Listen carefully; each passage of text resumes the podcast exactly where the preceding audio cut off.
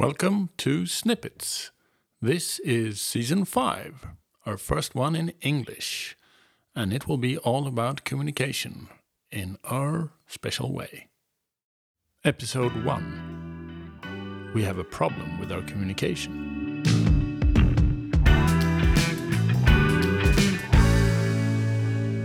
This seems to be the most common reason people think that they have problems in their relationship. What do you say about that? Yeah, we saw a TV show on Swedish television, Vi eller aldrig, and all the couples that participated that came to this island and this house, they said upon entrance that they were there because they wanted to become better at communication, communicating because that was their big problem. And when we saw a few episodes, and we knew this before as well, I think that um, communicating is not the main problem. They didn't really want to hear what the other one said. They didn't like it, or they were afraid of it, or they didn't understand it, but they could hear loud and clear what the other one was saying, but they were hiding somewhere. Yeah, they didn't want to hear it. They didn't like it. And it could also be so that uh, one of the people in a couple didn't actually really know what they wanted themselves, which meant that uh, what they were saying was maybe not the truth either, because they weren't confident or knew themselves. They hadn't asked themselves properly what they wanted to communicate. Mm. But then there were also lots of this silent communication, which is not said with words or in any other language than body language, perhaps. People leaving the room, people rolling their eyes, uh, turning away, looking down.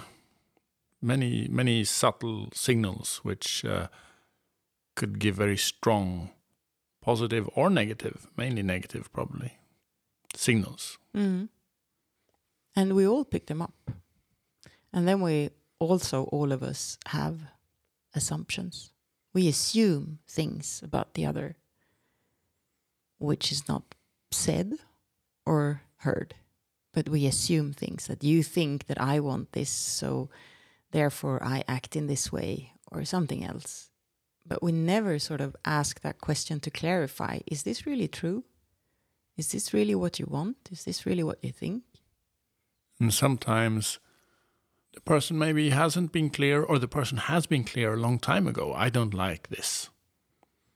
And then I've never asked for five years, and mm. things might have changed actually. So checking in and making sure is this still the truth that you don't like this dish or you don't like doing that? Mm. So the assumption can get stuck as well. You didn't like this many years ago, and then I just assume that that is still the case. Mm. Sometimes I call it the shitty first draft, the assumption I make. So then I have to call it out and say, okay, this is my first shitty, shitty first draft. What do you say about this? Is it true or not? Usually there are quite a few mistakes in the, in the, in the first, first draft. draft. Yeah. What else is there to say about this season about communication? I would like to say that this is the first time we do it in English. Yes, and you're not a native English speaker, so we hope that there won't be any misunderstandings coming from there. But uh, you're an excellent English speaker, so that's not a problem. And we'd like to present this podcast to a broader audience, so therefore we're giving it a few tries in a few seasons. Yeah. So follow us for the next uh, episodes. We'll dig into more about communicating and what it can be and not be and it probably won't be only what you think.